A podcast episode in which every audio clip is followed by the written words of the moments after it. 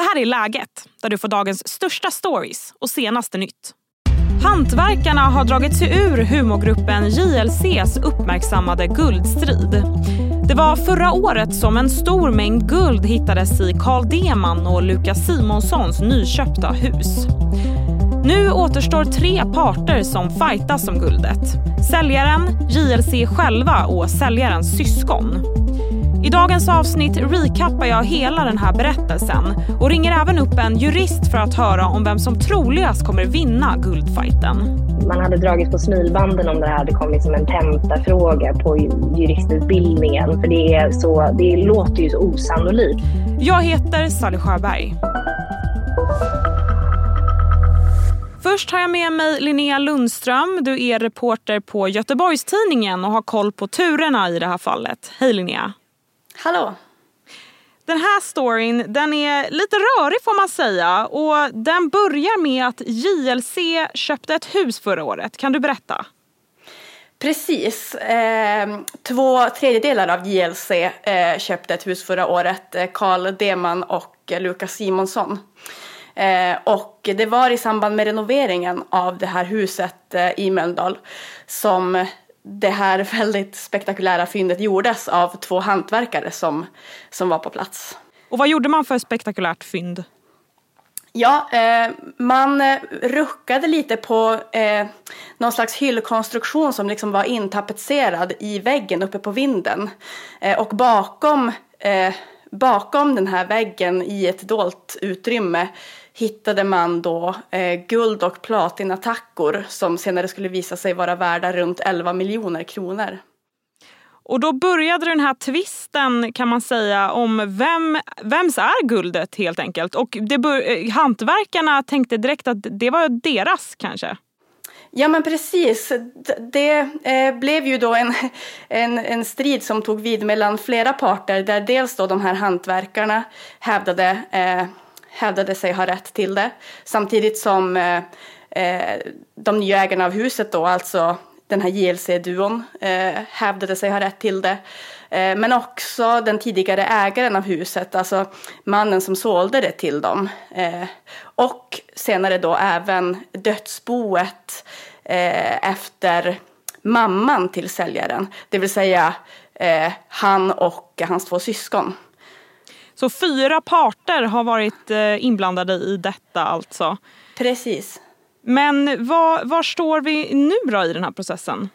Det började ju liksom som... Eh, det, det, det, här fyndet togs ju i beslag av polisen i och med att man startade en utredning om misstänkt penningtvättsbrott.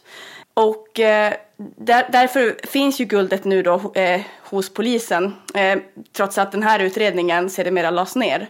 Eh, man kunde inte bevisa att något brott hade begåtts och skulle det ha gjort det så skulle det vara preskriberat sedan länge förmodligen. Ehm, så så det, det, handlar ju liksom om vem som då har rätt att få tillbaka eh, få tillbaka det här beslaget. Eh, men i förra veckan så lämnades två eh, separata stämningsansökningar in i ett civilrättsligt mål till Göteborgs tingsrätt. Och JLC-duon där, vad har de sagt? Ja, de har väl varit ganska fåordiga ska man säga eh, om det här sen det här tog vid. Eh, men de menar ju att eftersom att det här fyndet gjordes på deras fastighet eh, att det är de som då borde ha rätt till det.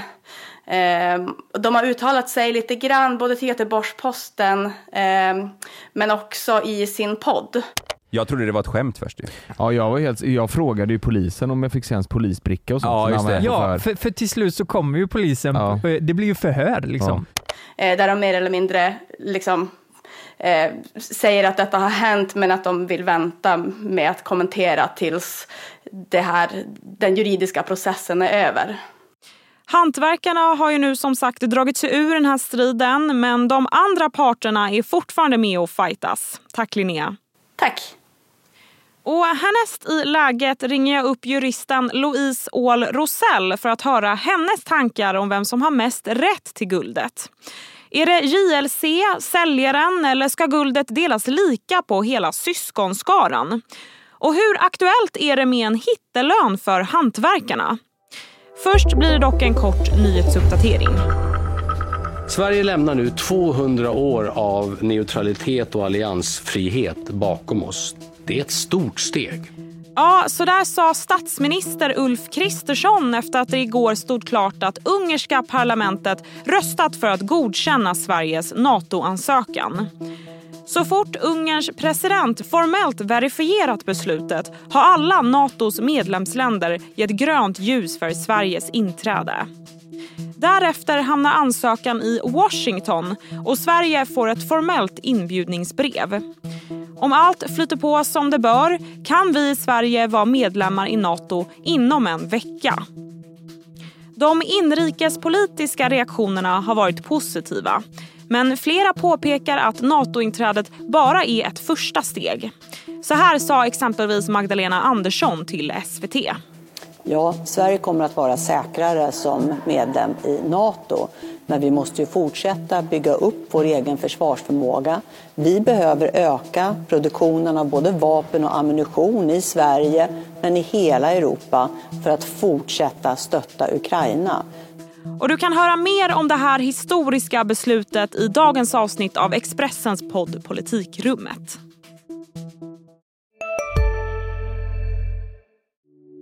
Hej, Ulf Kristersson här. På många sätt är det en mörk tid vi lever i. Men nu tar vi ett stort steg för att göra Sverige till en tryggare och säkrare plats.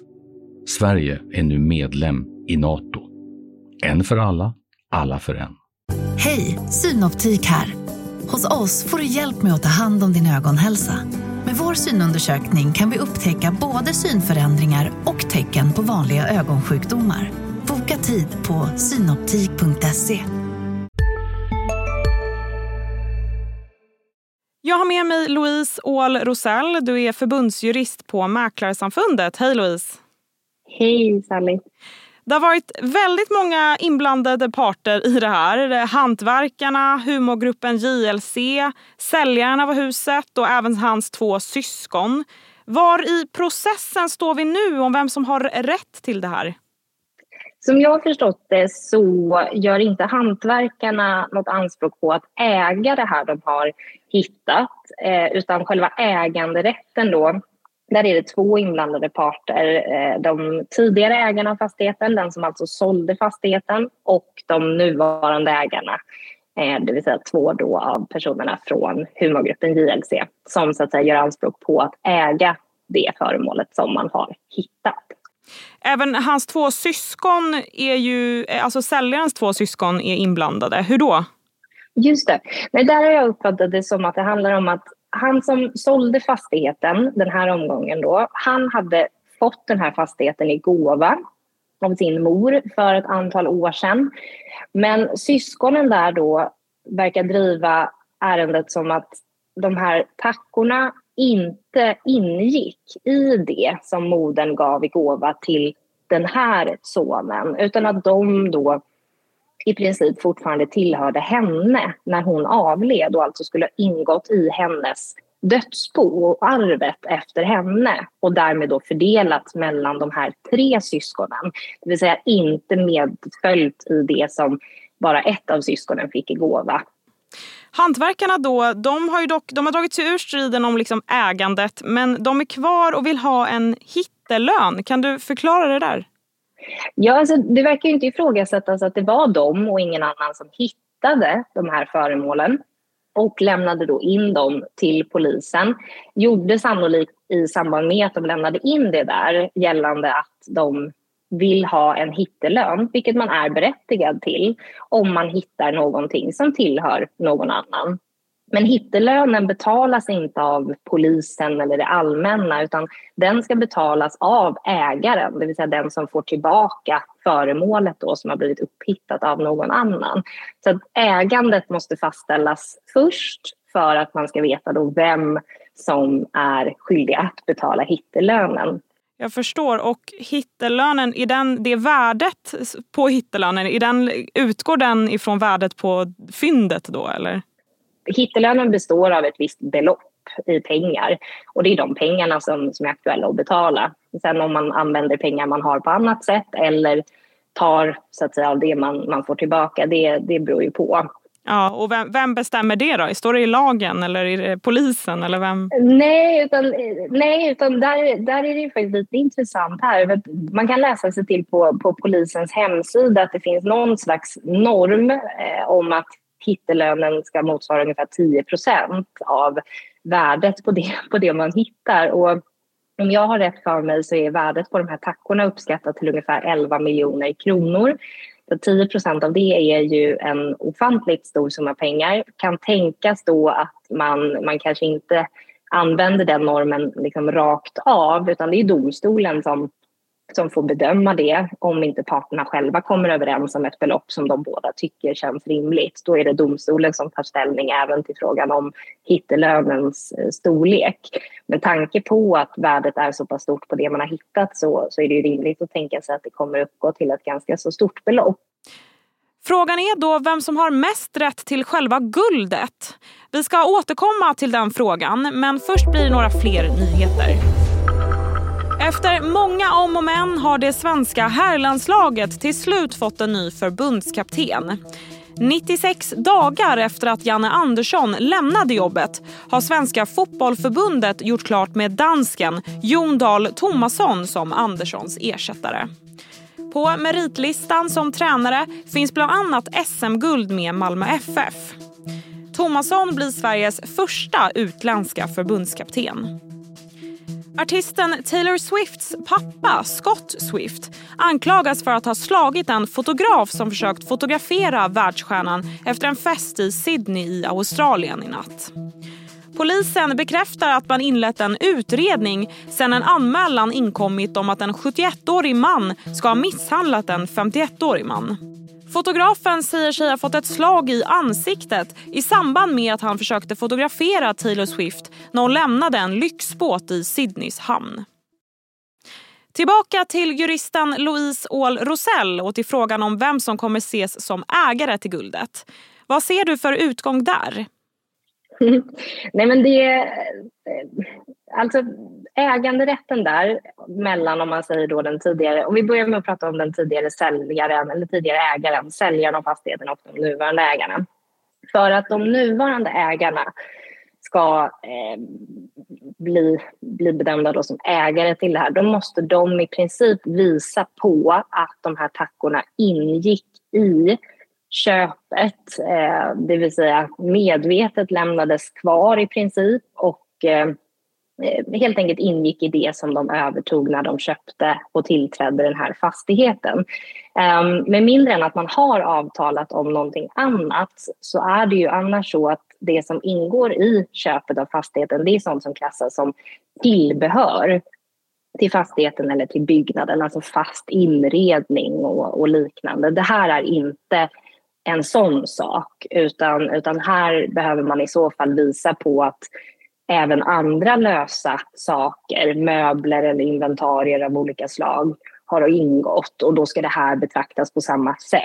Så JLC behöver peka på att nej men vi har minsann ett papper här där guldet finns med, typ? Ja, men i princip. Och jag har svårt att, att tro att det här är, är uttryckt i, i deras kontrakt.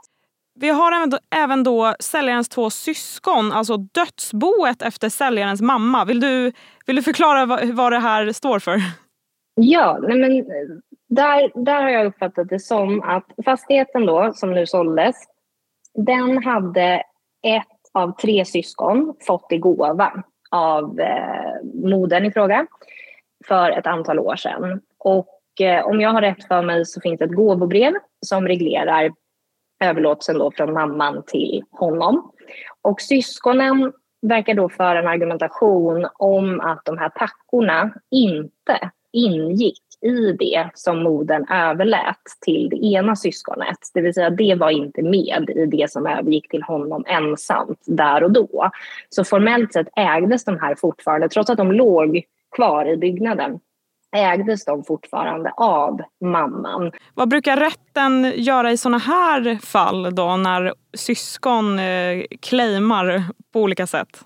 Alltså det, är ju, det här är ju en så otroligt speciell eh, situation. Det låter nästan sådär, alltså, man hade dragits på smilbanden om det här hade kommit som en tentafråga på juristutbildningen. För det, är så, det låter ju så osannolikt på något vis. Och, och just att det är så många inblandade parter och ja, i viss mån offentliga personer inblandade också. Så det, det, det är så otroligt osannolikt.